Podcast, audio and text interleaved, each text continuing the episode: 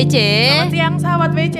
Baik lagi di Obsesi, obrolan seru siang yang kali ini bakal ditemenin bareng Cece. Dan Elizabeth. Kurang lebih dalam satu jam ke depan kita bakal meneng- menemani di ruang dengar sahabat BC. Benar. Nah, siang-siang kita nih mau ngobrolin tentang rokok, El. Iya betul. Nah, kamu ngerokok nggak nih? Enggak ya? Belum. Oh, be- ternyata belum ya. Jadi Berarti ada rencana? Enggak dong. Nah jadi El siang ini kita ngobrolin rokok. Ini kan sahabat BC mungkin ada yang mm, mengkonsumsi rokok atau Benar, ada ya. orang tuanya atau bahkan di Eh, beberapa rekan-rekannya. rekan-rekannya ya boleh merapat merapat ya boleh bergabung di obsesi siang ini kita ngobrolin tentang rokok Betul. Nah, yang kita pengen tahu nanti lebih dalam adalah rokok ilegal itu seperti apa, Betul. ya. Yang legal itu apa, yang tidak Ilegal legal itu, itu seperti bagaimana? apa. Nah, supaya kita tidak terlihat eh, sok tahu ya Iya, ngobrolin tentang rokok ini. Karena sebenarnya kita emang nggak tahu. Iya, mungkin setelah tahu jadi konsumsi tadi. ya. Enggak. Nah, siang ini kita ditemani narasumber ya, Benar. El ya. Siapa El? Sudah hadir bersama kita ada eh, Bapak Kepala Subdirektorat Penindakan yaitu Bapak Agung Widodo. Halo Pak. Ya, Selamat siang, selamat Pak siang. Agung Widodo. Selamat siang Mbak Cece, Mbak Eli. Iya. Terima kasih. Kalau Pak Agung nih bagian kepala subdirektorat penindakan. Berarti udah banyak banget nih ya Pak spesialisasi penindakan ya. Betul. Yang ditindak tuh ilegal apa legal juga ditindak? Macam-macam ya Pak. Yang ilegal pastinya. Yang ilegal. Oke. ya. Pak Agung gimana siang ini Pak sehat? Alhamdulillah. Sehat. Kerjaan numpuk Pak akhir tahun nih. Penghujung tahun selalu tuh pasti. Selalu ya, Pak? Laporan iya. dan evaluasi se- selama setahun ini seperti apa termasuk ini. Nah, termasuk Termasuk Termasuk rokok. ya operasi gempur, rokok ilegal sepanjang tahun ini juga Jadi vibes-nya udah vibes akhir tahun tapi banyak kerjaan ya Pak. Iya. Mungkin rencana tahun baruan nanti Pak udah ada liburan gitu Pak atau malah nggak akan pakai nggak kepikiran liburan ya Pak. itu Lagi sibuk. Kita di sini nggak pernah mikir liburan, yang penting nggak usah direncanain, jalan-jalan jalan gitu aja. aja. Oh, Oke. Berarti Pak Agung eh, tipenya yang tidak merencanakan kalau bisa ada liburan gas. langsung Jadi, gas. Tapi kadang-kadang gitu yang nggak direncanain yang langsung jadi. Ya, malah jadi kalau nggak direncanain. Nah ini nih kita tadi udah bahas ya Mbak kita mau Oke. Mhm. bahas-bahas tentang rokok. Nah tadi Pak Agung juga udah sebut rokok ilegal. Ya.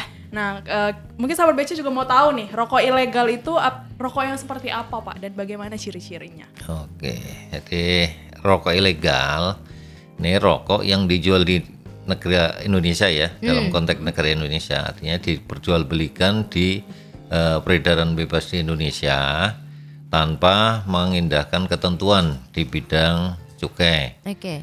Nah, seperti apa kan ciri-cirinya rokok ilegal itu? Paling tidak ada lima modus pelanggaran rokok ilegal. Yang pertama yang paling mudah nih dideteksi oleh teman-teman semuanya masyarakat luas adalah rokok polos.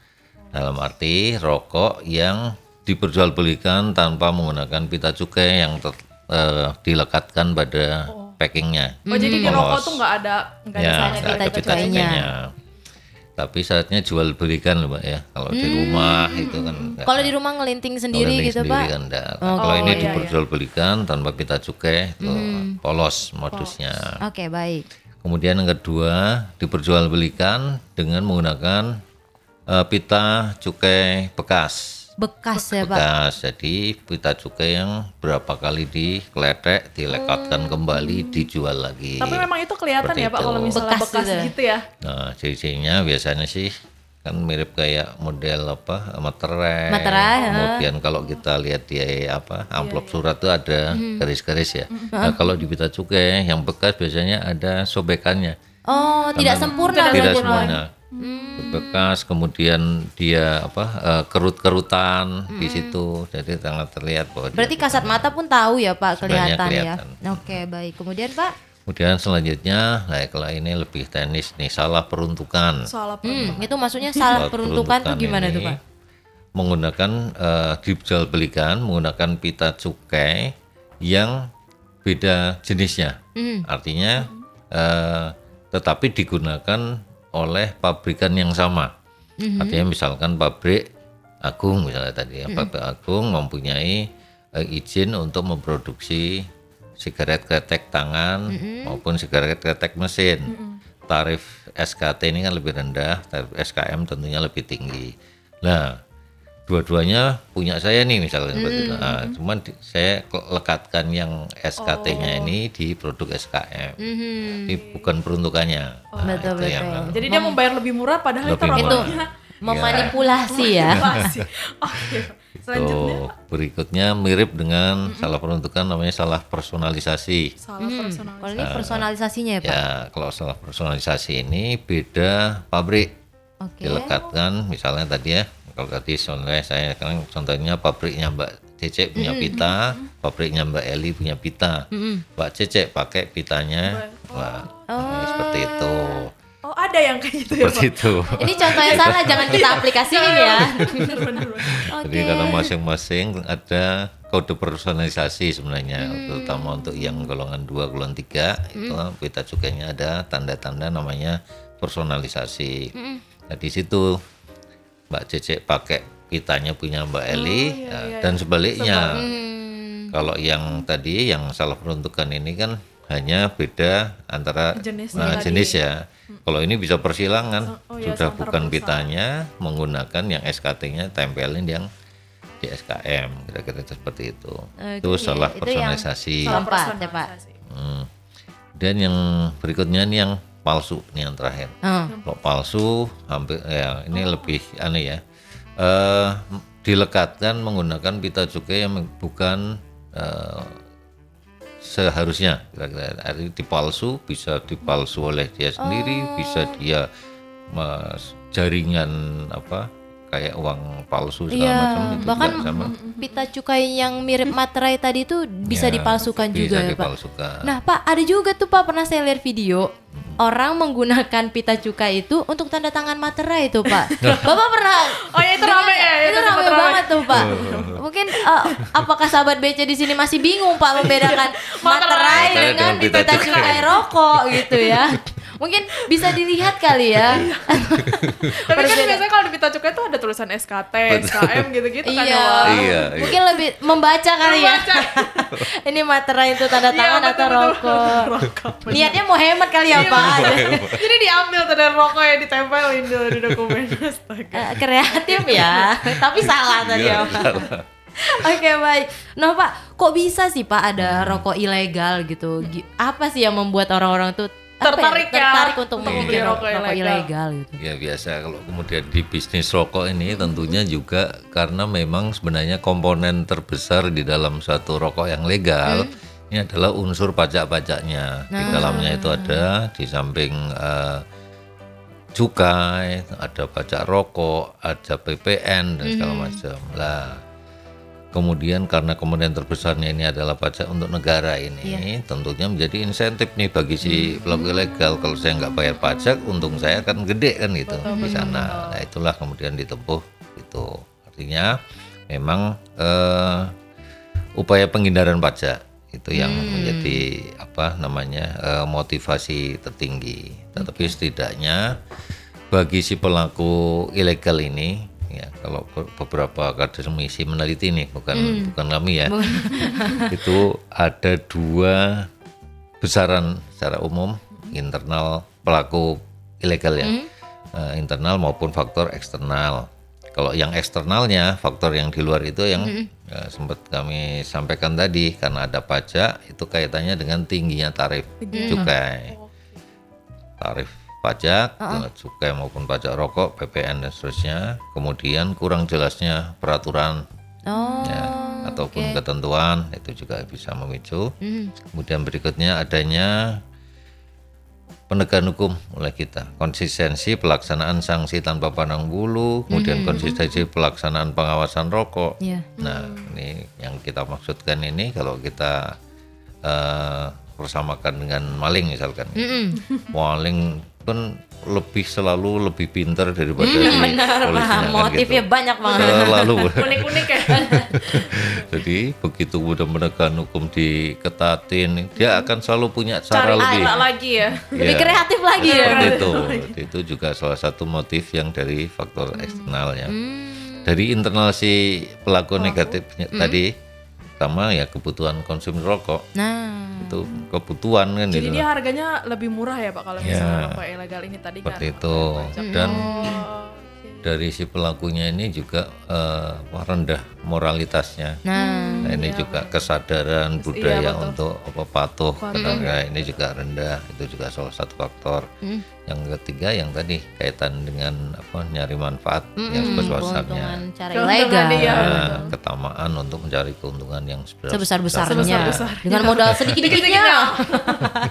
Hukum ekonomi ya. betul betul. Iya, iya benar-benar. Oke pak. Nah ini pak ngobrol tentang eh, tadi eh, kenapa sih orang bisa beli rokok ilegal. Nah untuk bea cukai sendiri ada nggak sih pak langkah yang kita lakukan untuk mengatasi hal ini gitu? Nah, mungkin kalau eh, teman-teman sekalian nih masih beberapa waktu yang lalu juga sudah kita gaungkan tuh. Setiap tahunnya ada namanya operasi gempur rokok Wah, ilegal. apa Nah, itu, Pak? salah Gempur satu. ya? Nah, ini operasi gempur rokok ilegal itu operasi yang secara rutin kita laksanakan setiap tahun dengan periode tertentu ya. Itu kita lakukan secara masif, serentak, kemudian dari seluruh Indonesia dari Sabang sampai Merauke dilakukan oleh semua satker. Di kita ada kantor wilayah maupun di bawahnya ada kantor pelayanan tanpa pandang bulu baik dari kantor pengawas produksi ya di produksi pabrikan yang ngawasin pabrik kemudian kantor-kantor yang membawahi transit sampai dengan distribusi sampai dengan pasar Hmm. itu melakukan eh, apa, operasi, operasi tadi. pengawasan secara serentak Mhm. Seperti itu jadi baik di hulu di sampai dengan hilir dilaksanakan di sana Sasarannya siapa Pak atas da- operasi yang gempur rokok ilegal Jadi tadi dia Pak? perusahaan besar aja kah? Mm-mm, Atau apakah sampai sampai- warung-warung juga? Mm-mm, mungkin ada yang selama ini masih uh, ngawang-ngawang nih. Aku pengguna nih Pak, kon- konsumen ya, pembeli Beli, rokok beli. ilegal. Apa apa Aku saya juga, juga. melakukan tindakan ilegal gitu Pak? Jadi karena dari tadi dari hulu sampai dengan hilir kita berat kata itu dari pohonnya sampai buahnya. Hmm. Dari pabrikan. Nah, kalau hulu kita bicara masalah dua hal. Satu produksi dalam negeri, yang kedua juga impor. Hmm, oke. Untuk yang eh, dalam negeri pabrikan tadi. Jadi sasaran gempur karena juga meliputi dari hulu baik si pabrikan ini mulai dari pabrikan yang legal ataupun ilegal. Ah, oke. Ilegal tentunya udah langsung ya. Iya. jelas karena ini tanda izin dan seterusnya. Kalau untuk yang eh, legal itu pun operasi gempur dari hilirnya ini mulai mitigasi dari saat dia lakukan pelayanan pemberian pita cukai seperti itu tadi saya sampaikan yang ada salah peruntukan, ada salah personalisasi. Jadi dimitigasi pada saat pelayanan di awal. Kemudian dikombinasikan dari eh, unit internal KI ya. Ya. KI untuk memantau baik kami sendiri nih di unit pengawasan nih unit P2 kan dipantau juga oleh KI nih. Kalau kami tidak operasi atau kami tebang pilih ya KI-nya yang nyempret kami kan gitu. Nah, Oh, oh, iya. itu. Jadi itu ya ada pengawasan Hmm, di atasnya lagi ya ternyata Ada ya. lagi. Di sisi lain juga eh, terkait dengan eh, tadi mitigasi sudah, KI sudah operasi. Kami lakukan operasi pengawasan. Nah, operasi pengawasan tadi kalau di hulu itu atas apa namanya di pabrikannya yang pabrik ilegal juga kita eh, sisir, kemudian mitigasi mitigasi dilakukan sampai dengan keluar Hmm. pada saat pengangkutan dan seterusnya sampai ke pasar itu yang eh, dilakukan artinya kombinasi empat hal ya sisi apa eh, tambah satu lagi tadi kelupaan sosialisasi edukasi itu juga bagian dari komponen operasi gempur Oke, berarti ada sosialisasi juga ya. jadi, Jadi sebenarnya nggak ada alasan untuk enggak tahu. Iya nggak tahu. Kan nggak tahu Gimana tiba-tiba gitu ditindak. Saya nggak tahu. Pak gitu. Karena sebenarnya pas operasi pun sudah diedukasi bahwa Betul. itu ilegal ya pak ya. Hmm, benar-benar. Nah kan ada juga tuh tadi bapak udah bilang juga bahkan saat diangkut pun juga ikut ya Pak. Ya. Makanya ada beberapa kemarin video Iya, yang iya. viral juga Iya, ya pas Pak. proses mereka proses ini ya, pengangkutan gitu. pengangkutannya, Jadi betul. tim kita Becuka juga menindak ya dan Betul. hal tersebut. Nah, sahabat BC yang pengen nanya siang ini Benar. boleh banget ya, Karena El. kita juga siaran langsung di uh, Instagram. Instagram, Instagram KRI. Jadi kirim aja nih pertanyaannya Pak. Mumpung ada Pak Agung Widodo Benar, nih nanti jarang-jarang. Oke. Nah, eh, terkait dengan eh, program gempur rokok ilegal tadi yang sudah Bapak buat nih. Hmm. eh, gimana sih Pak kinerja program ini? Dari tahun dibandingkan tahun-tahun sebelumnya seperti Atas apa? operasi gempur Iya. ilegal tersebut ya. Ya. Ya, mungkin sebelum ke hasil karena apa periode yang lalu ya. Jadi mungkin kita apa berikan gambaran sejarahnya dulu nih. Nah, Oh, kenapa ya, bisa ada, Bisa ada ge- gempur, operasi ada gempur? ya, seperti itu. Jadi memang ada arahan Bu Menteri Keuangan ya untuk menekan rokok ilegal sampai dengan dulu sam- pertama ya sampai tiga persen kan seperti itu. Kemudian 2016-an lah 2016 kita gelar mulai itu mulai kita kasih call sign operasi Halilintar. Oh, awalnya operasi Operasi halilintar. Halilintar. Kirain yang gen itu beda ya, nggak ada hubungannya ya sama gen halilintar ya. Ter, ter itu mungkin. Terinspirasi. Itu. Iya. Tapi mungkin bisa juga Mbak. Wah ternyata ada yang nyamain kan seperti itu. Iya benar. 2017 kita ganti call sign-nya Oh, apa lagi pak namanya? menjadi uh, Patuh Ampadan. Patuh Operasi Patuh Ampadan. Ada kepanjangan nggak itu? Nah, ini bahasa Sangsekerta, Mbak. Oh, Ampadan itu daun tembakau. Oh. Nah, ini juga mirip dengan halilintar, hanya umurnya cuma satu tahun. Oh, iya. Satu tahun karena apa? Karena sebenarnya operasi gempur ini kan operasi pengawasan ataupun per- meminimalkan peredaran BKC. BKC tidak hanya rokok, kan seperti itu. Ada minuman, ada etil alkohol. Nah, sehingga kemudian oh nggak pas nih kalau kemudian namanya hanya tembakau kan gitu. Oh iya. Barulah 2018 sampai dengan sekarang ini masif menjadi operasi gempur. Oh, jadi dimulai Oh, 2018. 16 16. 16, 17, 18, 18 gempur namanya. Gempur namanya. Oke, Ya. baik. Nah, kemudian dari pencapaian pasti kita akan ukur dari apa sih output outcome-nya kan gitu ya, sehingga kita bisa secara objektif menilai apakah ini efektif atau tidak ya. Dari data kami ya, dari outputnya dulu ya, ekstra ekspor dari operasi gempur ini, ini eh, dari sisi jumlah penindakan nih, untuk yang lalu dari tahun eh, 2020 ya itu meningkat 199 persen. Ya ini penindakannya ada sejumlah 4.314 untuk yang penindakan hasil tembakau ya. Dibandingkan gempur tahun 2020 itu dari jumlah penindakan 199 persen. Kemudian dari sisi jumlah batang 2021 itu meningkatnya 238 persen dibandingkan dengan tahun sebelumnya Iya. ya dengan jumlah sekitar 139 setengah juta batang. Itu tahun 2021 ini meningkat ya itu dari output. Kemudian eh, BHP berupa rokok elektrik. Ini juga meningkat eh, 85.000 mililiter.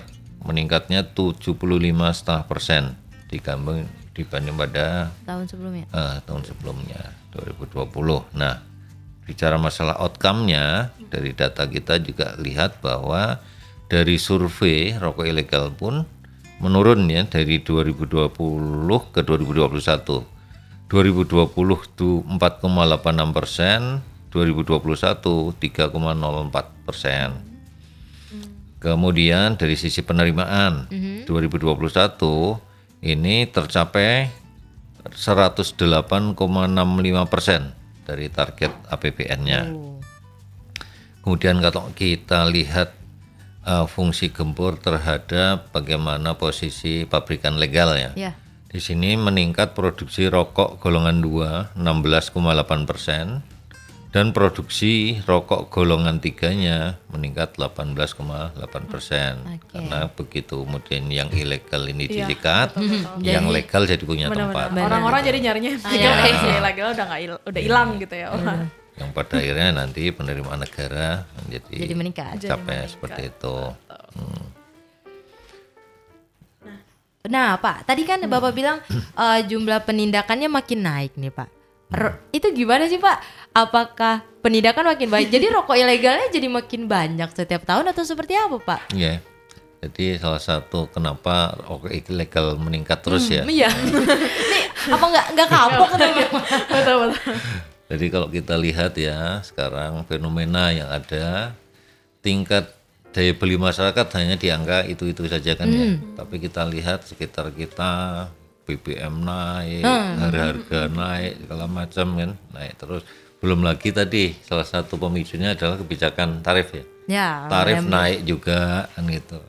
Tarif naik lagi sementara di sisi lain masyarakat ini ya mungkin termasuk eh, saya maupun teman-teman ya susah untuk konsumtif ya, ya, susah meninggalkan budaya merokok kan gitu. Iya yang udah biasa ngerokok Ya seperti itu. Nyebat ya habis makan tuh wajib. Ya, dengan uang yang pas-pasan tapi nggak bisa meninggalkan rokok akhirnya pasti akan nyari ke rokok yang murah kan. Nah, rokok murah ya yang bisa dipenuhi oleh rokok ilegal itu sehingga apa supply demand berjalan nih. Hmm. Permintaan tapi duitnya hanya segini ya. Iya.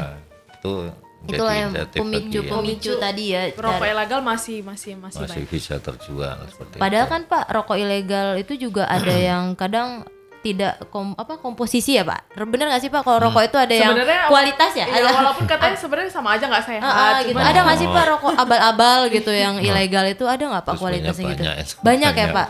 Berarti emang yang legal itu yang baik ya Pak, yang yang lurus-lurus aja ya kalau Ya, mau rokok ya di Pak. kalangan perokok loh mbak. Eh benar-benar benar. Ini ini kita ngomongnya di kalangan ya. perokok.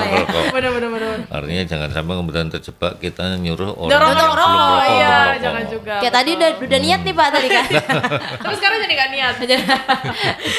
Hanya "Eh, ayo ayo yang legal aja gitu ya. Artinya dari sisi kesehatan bagi para perokok, perokok untuk yang rokok legal tentunya kan dia sudah menggunakan bahan-bahan yang memang sudah diukur ya. Iya. Iya betul betul. Nah, kalau untuk yang rokok ilegal kan tidak Kita melihat nggak tahu seperti juga itu. ya ya. Campurannya Bener asal. bener bener bener bener. Gimana sih Pak Setuju. untuk ningkatin aware ya Pak dari konsumen rokok ini gitu bahwa kayak ya udahlah kita pilih yang legal aja gitu Pak. Kadang tadi sosialisasi sudah dilakukan. Betul betul. Baik mungkin da- baik dari konsumennya maupun yang pabrikannya juga Pak.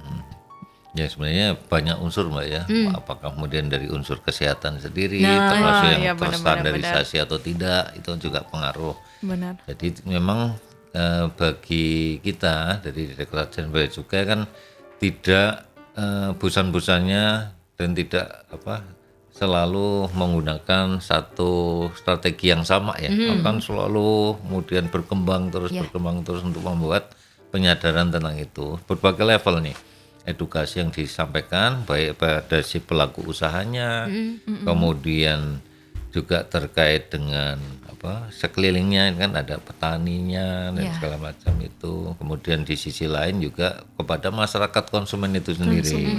Seperti itu. Dan ketika tadi sebenarnya idealnya ini para perokok meninggalkan rokok kan gitu. Itu yang idealnya seperti itu. Jadi ada komponen-komponen lain yang sebenarnya harus bergerak bersama beriringan kan gitu peningkatan kesadaran tentang kesehatan segala macam ini juga salah satu untuk menekan ketika kemudian masyarakat yang dengan daya beli rendah ya sudahlah jangan ngerokok Jangan dulu ngerokok dulu betul betul tapi betul. gimana bisa Iya, benar, benar, membuat badan sehat Badan atau sehat, mengkonsumsi benar. yang makan sehat sehat Iya benar. Kalau kita ngomongin titik rawan nih Pak ya, yang banyak beredarnya ro- mana rokok aja gitu? ilegal itu di mana Pak? Hmm. Nah, ya ini menarik juga. nih. Ini juga sebenarnya kalau kita lihat khususnya di rokok, Mbak ya, mungkin kalau negara-negara lain tuh bingung dengan Indonesia kan gitu loh. Kenapa tuh Pak bingungnya? Terlalu luas. Itu beberapa eh, dari Inggris, dari itu survei ke Indonesia. Kalau di sana itu tembakau itu benar-benar diperhatikan. Hmm. Tidak sembarang orang bisa menanam tembakau. Masuklah dia ke Indonesia. Iya iya iya. Di Indonesia kan, wuh Tapi ternyata siapa yang punya kebun bisa Ya, langsung seperti nanam gitu ya. Karena juga Indonesia ini kan dari zaman ya nenek moyang kita gitu rokok menjadi tradisi makanya rokok kretek Betul-betul. ini Iya, hanya iya, ada di iya. Indonesia Iya, kan iya, gitu benar-benar. Dan bahan bakunya tembakau kan segala macam di sana nah nah kemudian juga kalau kita balik pada eh, data objektif ya nah kali ini kita ngambil coba untuk data dari Kementerian Kesehatan nih Ini kenapa sebelum masuk ke mana nih titik rawan? Ya. Saya antar ke sana dulu bahwa dari data Kemenkes nih, ini eh, data melalui hasil glo- Global Adult Tobacco Survey (GATS) ya. Ini menyatakan bahwa dalam kurun waktu 10 tahun terakhir jumlah perokok dewasa di Indonesia meningkat sebesar 15 persen. Sementara BPS mencatat rata-rata persentase merokok pada usia 15 tahun ke atas dari 2019 sampai 2028 eh 2022 adalah sebesar 28 persen, di mana 34 dari 35 provinsi itu ada porsi di atas 25 persen. Artinya apa? 34 dari 35 pro- provinsi. Berarti Semuanya rata, kan? merata ya, berarti. nyaris merata di situ. Oke. Nah, dari situlah baru kita bicara masalah kerawanan, karena ini rata, prevalensi naik. Kemudian kalau kemudian kita gabungkan dengan daya beli tadi, daya beli juga makin apa, eh, makin kemari, makin Iya, benar-benar. susah segala Iya, macam. betul. Nah itu kan jadi insentif yang kuat bagi apa namanya masyarakat pelaku ilegal tadi. Nah ini yang juga kemudian eh, digabungkan kombinasikan dengan kultur eh, Indonesia yang sulit sulit meninggalkan, Meninggalkan rokok budaya tadi ya, rokok masuk sana. Nah terutama di eh, masa konsumsi yang ilegal ini, terutama di daerah-daerah yang memang kurang melek kota lah, kira-kira seperti itu ya Ah, Oke. yang kalau di bahasa Jawa ini kebetulan dari Jawa mbak saya Iya. itu waton ngebul apa namanya yang penting berasap Artinya yang penting Mbak. Oke. Berasap. Nah, ini tidak peduli dia apakah ilegal atau enggak yang penting iya, saya benar, benar, bisa.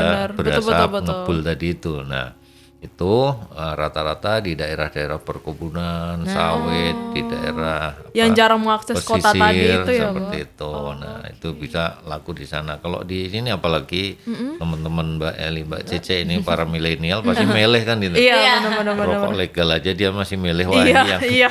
Yang keren kelihatannya yang gitu. keren mana nih kan itu. Dan bisa diposting Iya, bisa diposting.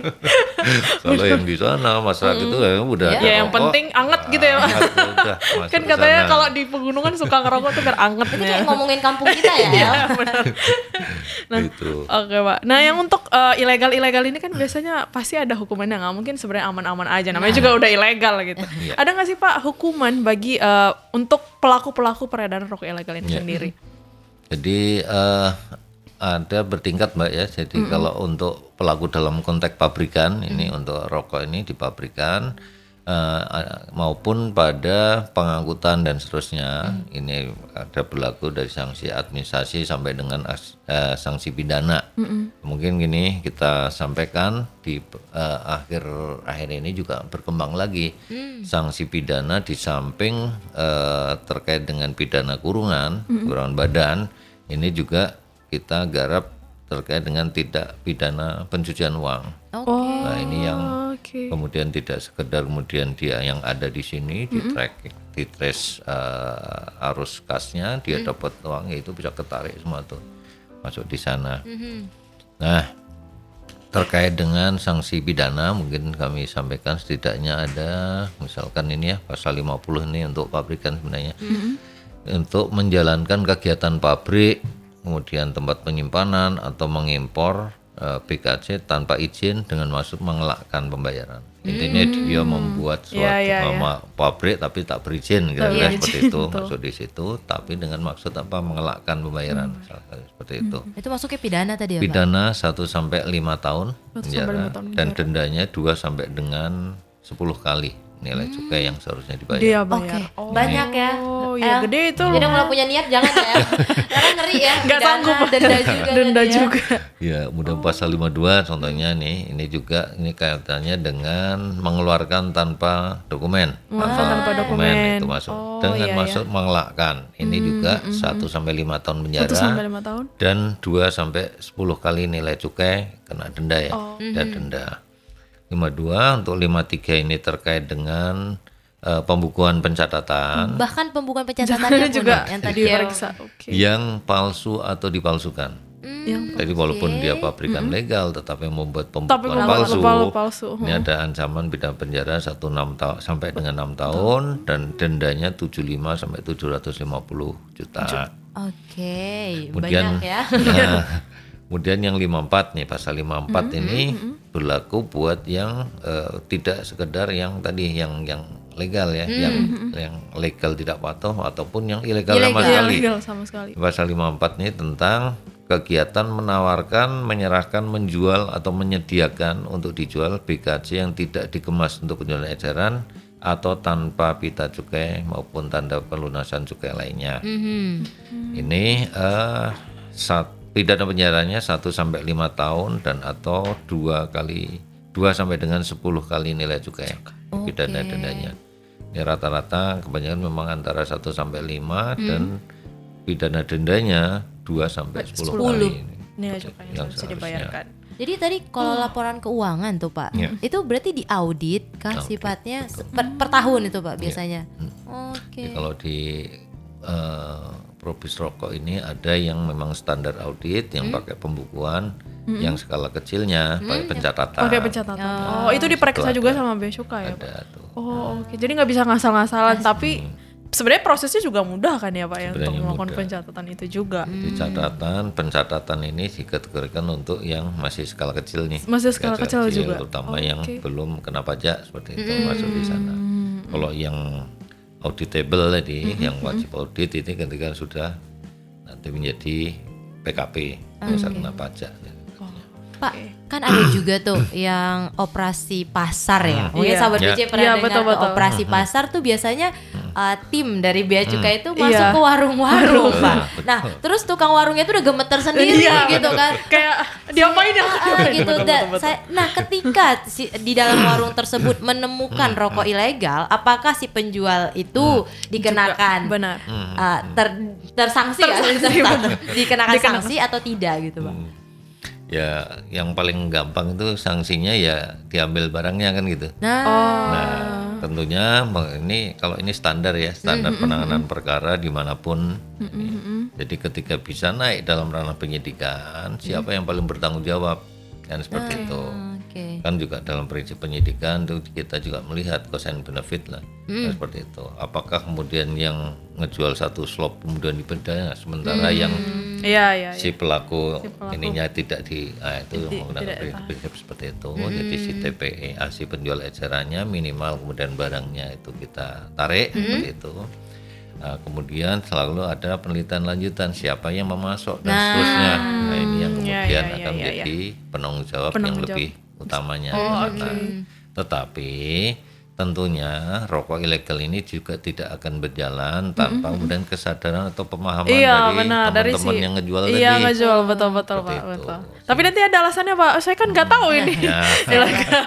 Ya, ya, iya, saya jual aja katanya gitu. itu artinya tadi kalau yang sistem konsinyasi Mm-hmm. ya berarti dia tidak apa namanya tidak rugi tapi rugi yang Oh, yang barangnya apa, tadi ya, Pak. barang Tapi bagi dia sendiri ketika dia sudah beli ya, menjadi ya rugi Ya, Rugi, rugi dia. betul. sehingga menjadi pembelajaran ketika kemudian nanti Ada nanti datang lagi, dia nggak waduh, terima ya. saya hilang nih kan Iya, gitu. benar, Kan gitu. betul.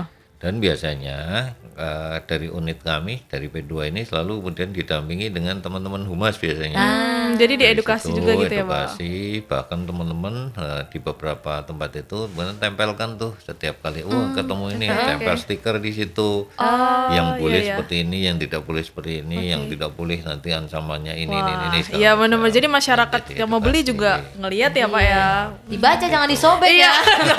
Gatal aja tangannya nyobek. Jadi nggak tahu lagi nanti alasannya ya. Betul. Ini Pak, dalam pelaksanaan gempur eh, sendiri, ada nggak sih Pak kita bersinergi dengan instansi lain mungkin misal dari pihak kepolisian mungkin atau TNI gitu Pak? Ya, ya baik Mbak Eli. Jadi betul dari berbagai eh, strategi sudah kita laksanakan tadi ya, dari 2016 sampai dengan sekarang 2022 ya. Nah di 2020 ya mulai ke atas ini kita coba mengembangkan nih karena kita menyam- eh, merasa memang bahwa bea cukai kan tidak bisa bekerja sendirian. ya.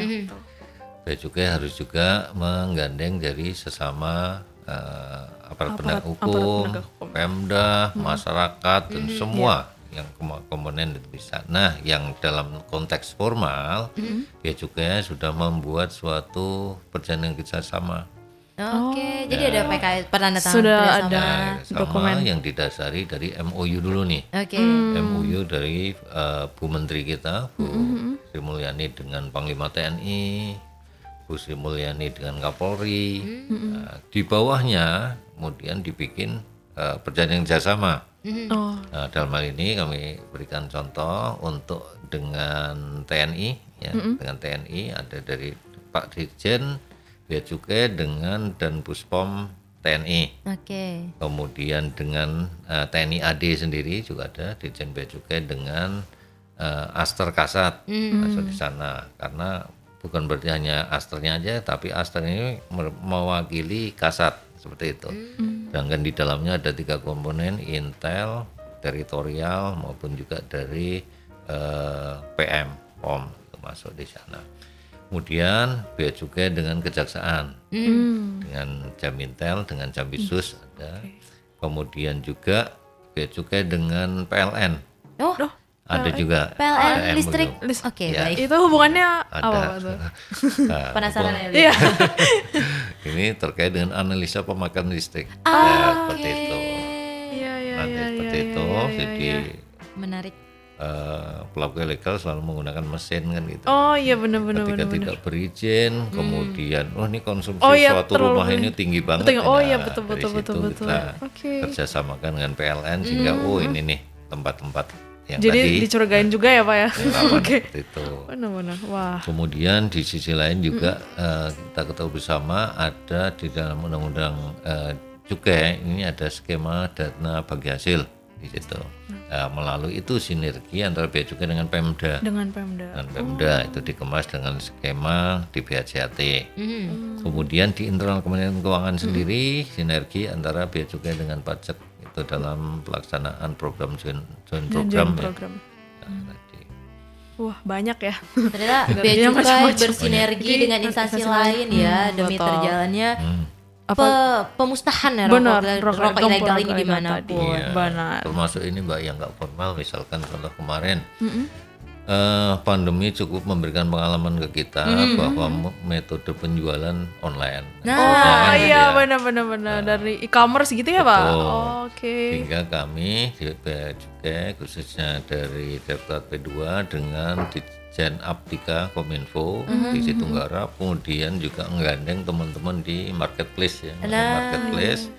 Kemudian eh, Kominfo ini nanti akan kami yang take down kami apa namanya istilahnya blokir, ya, bekukan itu. At- atau dari marketplace. Marketplace malah udah jangan biar kami Biar aja. seperti itu Wah. kira-kira ketika melakukan penjualan melalui online rokok ilegal. Ada rokok ilegal termasuk di dalamnya ini kan yang tadi rokok elektrik ya. Bahkan mereka juga antusias ya Pak untuk Ya, membantu seperti itu. ya. Nah, karena dampaknya ketika kominfo Iya, yang, benar. yang Ini- bekuin sulit untuk anak gitu, sehingga benar-benar. udah kami saja yang. Benar-benar benar. Oke Pak kita mau bacain nih pertanyaan dari sahabat BC yang Betul. udah masuk nih Iya. El ya. Ini yang pertama dari SNNZY Zenzi gitu kali ya Pak baca Zenzi gitu ya Katanya Pak kalau pita cukainya kalian nih tulisannya 12 Tapi isinya 20 Itu maksudnya apa Pak? Hmm. Eh, Ini bagi saya yang tidak ngerokok Iya. Apakah ada artinya itu Pak? Ini kalau Mbak eh, balik ke yang tadi modus Hmm, tadi ya. Kalau kemudian itu juga salah peruntukan ya. Oh itu masuk ke salah Mbak, di peruntukan. dalam apa namanya pita cukai itu juga harus sama dengan yang ada di packnya. Oh, jumlah batangnya 12 gitu ya dengan Pak. 16 karena struktur tarif kita ini adalah tarif cukai per batang. Oke Ya, Bukan perbungkus ya Pak? Bukan satu bungkus bukan gitu tulisannya Batang batang. Oh iya iya. Berarti bisa per kita pastikan itu palsu Pak kalau itu tulisnya Itu pasti ilegal gitu ya 12 kalau iya tapi Isinya dalamnya ternyata 20. Ya, bukan palsu tadi. Oh, bah, Salah ya, peruntukan. salah peruntukan. Bisa salah peruntukan, bisa salah personalisasi, Oh, oke. bisa juga palsu juga. Oh yang iya iya ngotekin benar benar benar. punya. Yang letekin Oh, ataupun iya, iya. tadi itu jadi pelaku ilegal nembak ilegal kira-kira seperti itu. Jadi dia nembak Iya, iya, iya, sudah benar, itu pakai pita palsu lagi jadi udah Kreatif banget ya. double lah kira-kira seperti itu. Oke. Selanjutnya nih El, ada T21. Oh iya. At Tie 21 ya, bioskop apa ya? Iya juga ya. Nih Pak, kenapa rokok di Indonesia lebih murah dibandingkan da- di luar katanya? Hmm, ya itu Ini kita juga baru tahu nih, Pak. Bener ya, Pak? Karena nggak konsumsi rokok jadi nggak tahu harganya. ya tadi itu karena juga eh, kita di- udah dari lama ya tadi budaya merokok itu Oh, udah dari iya, benar, lama. benar, benar. Kemudian saya sampaikan tadi orang luar negeri masuk ke Indonesia bingung kok rokok begitu bebas Begitu ya, banyak, segala. iya, betul, Mungkin di beberapa tahun terakhir ini terutamanya di kota besar kan ada kawasan khusus merokok. Oh, Tapi iya. di, di luar itu kan begitu bebas. Iya, langsung aja gitu. Nah, kemudian kalau kita lihat nggak usah jauh-jauh dulu lah di Singapura. Di Singapura kita bawa satu pack dendanya luar biasa 10 sampai artinya apa? Kesadaran kesehatan Di sana di sana lebih, Lebih tinggi, tinggi, daripada di tempat kita. betul. Yang kedua tadi tembakau di mana-mana nanamnya, artinya bahan baku di Indonesia lebih mudah. Hmm. Itu di samping eh, terkait dengan harga ya, kemudian harga itu salah satunya itu, apalagi tadi masih sub- juga ditemukan suburnya yang ilegal, gitu. Makanya ketika kemudian salah satu tools eh, apa namanya pengendalian ini adalah cukai. Hmm. Cukai ini kan juga sebenarnya dimaksudkan dalam konteks pengendaliannya, bukan dalam konteks penerimaannya ya. Penerimaannya, betul, Pengendaliannya betul. Iya, gimana caranya bisa biar tidak masyarakat mudah membeli yang rokok ini kan sebetulnya. Cuman di sisi lain menjadi insentif bagi si pelaku Si ilegal tadi. ilegal tadi, Gitu, betul. yang- tetapi konsepsinya cukai ini adalah pembatasan dalam bentuk apa namanya fiskal sehingga harganya tidak menjadi murah kira-kira seperti itu Mbak. Jadi Iya, ini sebenarnya salah satu untuk meng- Mengendalikan. untuk mengendalikan kemudian Pak masih ngomongin cukai nih Pak, pas banget nih. Uh, ada dari Ed Igo Troamadi, minta tanggapan dari Bapak. Cukai kan tadi makin naik nih Pak. Rokok ilegal makin diberi leluasa. Ini gimana Pak tanggapan Bapak? Makin diberi leluasa. Cukainya makin naik, rokok rokok ilegal berarti makin diberi leluasa. Mungkin maksudnya makin harganya naik kali ya. Oh, Iya, Jadi kayak benar, ngerasa benar. Bisa jadi. Jadi memang salah satu yang menjadi insentif bagi Mhm. rokok ilegal adalah tarif yang semakin tinggi, ya. Itu. Cuman kita harus kembali lagi nih. Sebenarnya kalau kita ya khususnya di pengawasan Mhm. kan semakin kemudian insentif terhadap eh, apa namanya kenaikan ilegal ini ditekan, Mhm. itu akan lebih memudahkan kita semua kan gitu ya. Oke. Tetapi kita kembali lagi bahwa pembentukan skema tarif ini juga diatur terkait juga proses dengan legislatif dan seterusnya.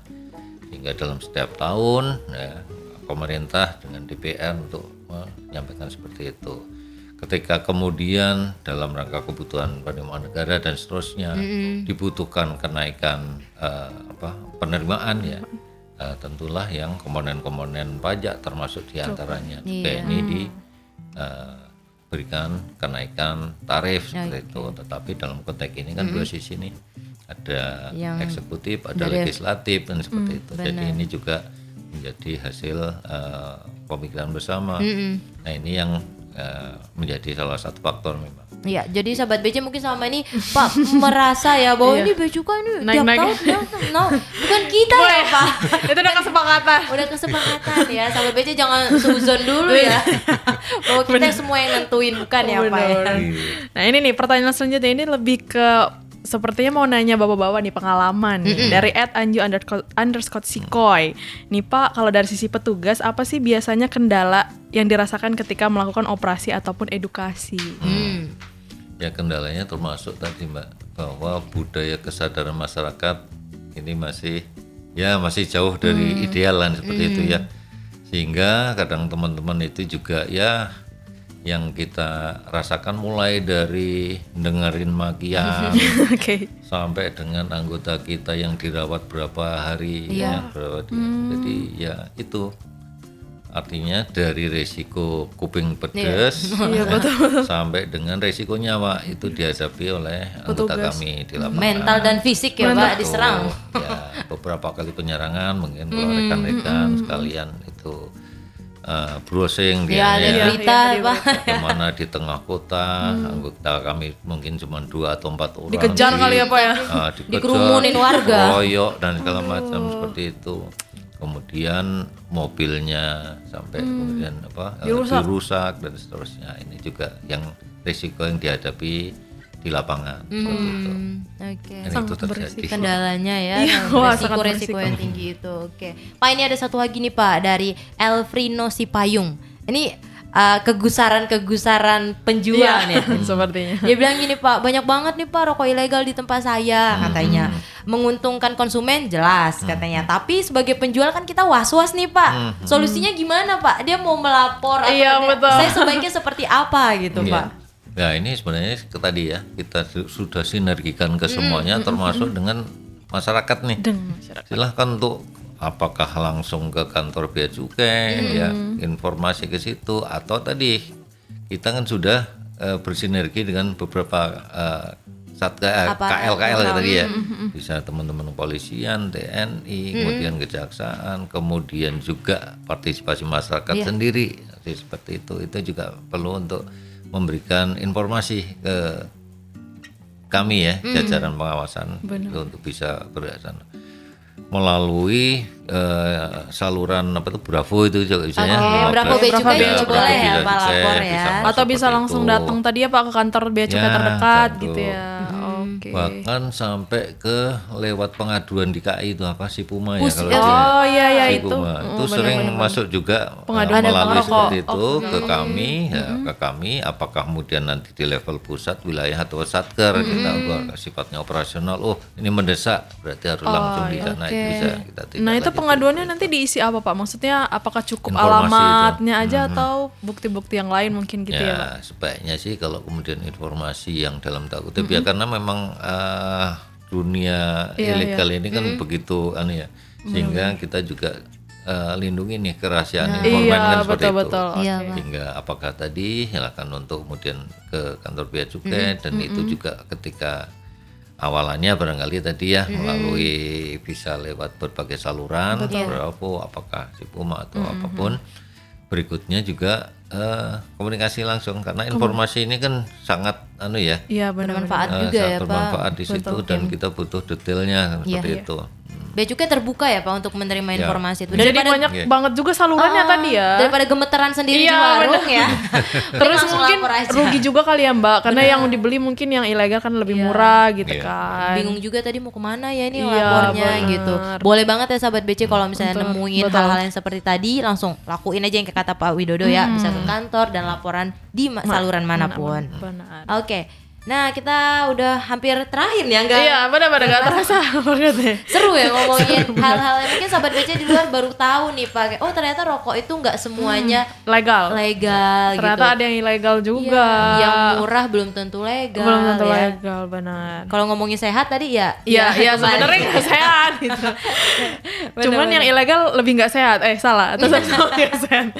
Oke, Pak ini mungkin menurut Pak Agung Widodo nih, selain dalam bentuk penindakan ya Pak, bagaimana sih upaya Bea Cukai untuk menurunkan rokok ilegal eh, secara kita wrap dah di, di akhir ini gitu Pak?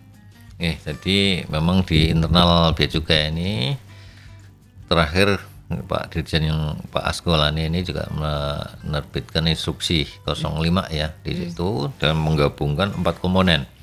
Mungkin da- di beberapa uh, tahun awal ini mengandalkan dari unit pengawasan ya bea cukai sepenuhnya seperti itu. Kemudian eh, di, di dalam instruksi 05 ini empat komponen tadi yang sempat kami sampaikan di awal ya dari komponen P2 tentunya operasi ini penegakan Oh, hukum iya, iya. ya. Jadi operasi penegakan hukum dikombinasikan dengan sisi eh, preventif. Preventif ini dalam konteks edukasi, Edukasi dulu. kehumasan, Oh, iya, termasuk seperti ini ya, Iya, forum-forum betul, seperti betul, ini betul. Kemudian dikomunikasikan dengan kegiatan-kegiatan eh, sosial bakti masyarakat seperti itu sunatan masalah segala Wah, macam. include juga tuh Pak. itu juga masuk di dalam komponen preventif ya edukasi. Eh, kemudian selanjutnya komponen ketiga ini terkait dengan komponen pelayanan pelayanan pita cukai seperti itu. Jadi ini dimitigasi dari awal sehingga Iya, modus-modus yang tadi 12 gram sampai di Jadi bisa dihindari 16 dulu ya, ya. macam itu di, Benar-benar. dari eh, pang- dari apa namanya dari dari sumbernya dulu nih. iya, pada saat pemesanan pita cukai dimitigasi seperti itu. Eh, terbitlah SE 0 eh, SE 10 ya kemarin ya. eh, Untuk intercept pembatasan eh, pemesanan seperti itu ketika kemudian berdasarkan beberapa parameter seperti itu. Wah ini berisiko tinggi untuk dilakukan apa eh, salah tadi itu salah peruntukan salah personalisasi ya, itu kemudian terakhir ya baik dari P2 kemudian dari si petugas pelayanannya apa BEN juga berben segala macam dimonitor oleh provos kan itu KI Oh iya. Oh. nah komponen yang keempat ini mengawasi semua, P2 nya nakal P2 nya ditutup Di Jadi ada lagi yang mau ngasih P2-nya. Oke. Itu diramu empat komponen bekerja sama dan itu yang saling bau membau. Dan semuanya ini diikukan jadi kami diwajibkan nih semuanya. Oh. diwajibkan untuk melaksanakan itu. Jadi di samping operasi besar yang operasi gempur itu setiap bulan kami Harus dinilai. juga ya, Pak. seluruh satker. Seluruh satker itu harus gerak dan penanggung jawabnya ya di tempat kami di Direktorat P2 kan itu Oke. kalau kemudian satker anu yang ditegur Pak Dirjen kan tempat kami Oke. istilahnya dijemur oleh Bu Menteri kan Berjemurnya di Bali enak sih ya Pak ya. di Bali ya. Berjemurnya sini enak ya. Panas. Oh, iya. Oke sahabat BC, makasih banyak nih ya Pak Agung Widodo udah mau Benar. ngobrol tentang rokok, Rokok ilegal. ilegal. Nah mungkin nih terakhir kita pengen dengar Closing closing, statement. statement, dari Pak Agung Betul. untuk sahabat BC yang mendengarkan di obsesi siang ini Pak. Ya, baik, makasih Mbak Cece untuk terakhirnya nih mungkin ya. Eh, resum saja dari yang tadi. Tadi bicara masalah gempur, saya sampaikan bahwa gempur rokok ilegal ini salah satu extra effort dari unit pengawasan kolaborasi dengan berba- empat unit tadi untuk menekan rokok ilegal yang kemudian lanjutannya ini adalah memberikan kesempatan pada industri yang legal untuk lebih berkembang sehingga dampaknya adalah pada penerimaan negara meningkat seperti itu. Kemudian dari data-data yang kami sampaikan tadi dalam beberapa tahun terakhir itu ternyata memang berkontribusi ya terhadap baik pada penurunannya maupun pada pencapaian target penerimaan di APBN itu. Sehingga yang pada akhirnya APBN penerimaan tinggi ini kan bisa untuk melakukan pembiayaan-pembiayaan di sektor lainnya Iya. yang ya, dilihat perekonomian negara ini akan menjadi semakin tumbuh ya perekonomian makin tinggi. Kemudian yang terakhir ini terkait dengan sinergi tadi kolaborasi bahwa rokok ilegal kita sepakati ya bahwa itu menggerus perekonomian negara kemudian juga untuk perbaikan semua lapisan masyarakat akan menjadi apa namanya eh, tidak optimal kan ya? Karena akan diambil oleh segelintir kepentingan tertentu tadi yang menikmati seperti itu. Sehingga eh, berbagai faktor-faktor yang meningkatkan rokok ilegal ini tentunya juga tidak bisa dilakukan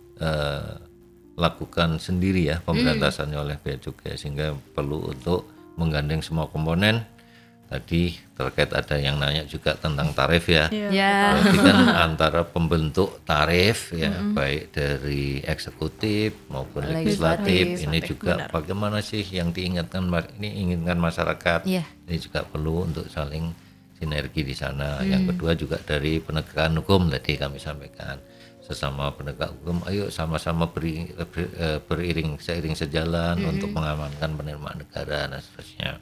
Kemudian juga dari masyarakat sendiri.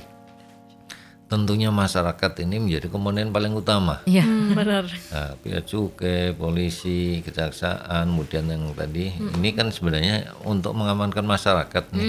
Nah, tentunya masyarakat sendiri yang kemudian sangat kita mohon untuk ikut serta di dalam eh, apa namanya program pemberantasan rokok ilegal ini kan gitu. Nah, gimana caranya kan gitu ya? Ya, ini bukan menganjurkan yang bukan bukan perokok ya. Bukan mencorkan rokok. Eh, bagi yang sudah merokok maksudnya ini. Nah, itu mengkonsumsi rokok yang legal, tapi bukan yang tadinya belum merokok eh konsumsi yang Jadi. para perokok agar mengkonsumsi yang rokok yang legal. Iya. di mana di dalamnya tadi di samping menyumbang penerimaan negara juga standarisasi kesehatannya itu zat-zat apa pembentuk rokoknya itu kan sudah lebih aman lah. Ba- dibanding yang rokok ilegal, Ilegal. seperti itu kemudian mulai membantu eh, memahami tadi ya salah satunya apa sih seperti apa yang kemudian rokok ilegal Iya. oh ternyata tidak berpita dan segala macam itu ataupun kemudian salah peruntukan salah personalisasi itu juga Eh, kemudian eh terkait dengan saluran tadi Iya. ya saluran tadi silakan untuk memberikan apabila ada informasi-informasi peredaran ataupun penjualan rokok ilegal ini silakan sampaikan melalui kantor pelayanan terdekat. Hmm. kantor-kantor bea cukai yang Tersebar ya, teman-teman ketahui di mana sudah. Kadang juga gini juga mbak eh, eh, masyarakat ini lombok tapi dia tahunya bea cukai Bali misalnya. Iya, iya, iya. dia lapornya Bali silahkan nggak boleh, masalah nggak nanti apa-apa akan ya. di ini.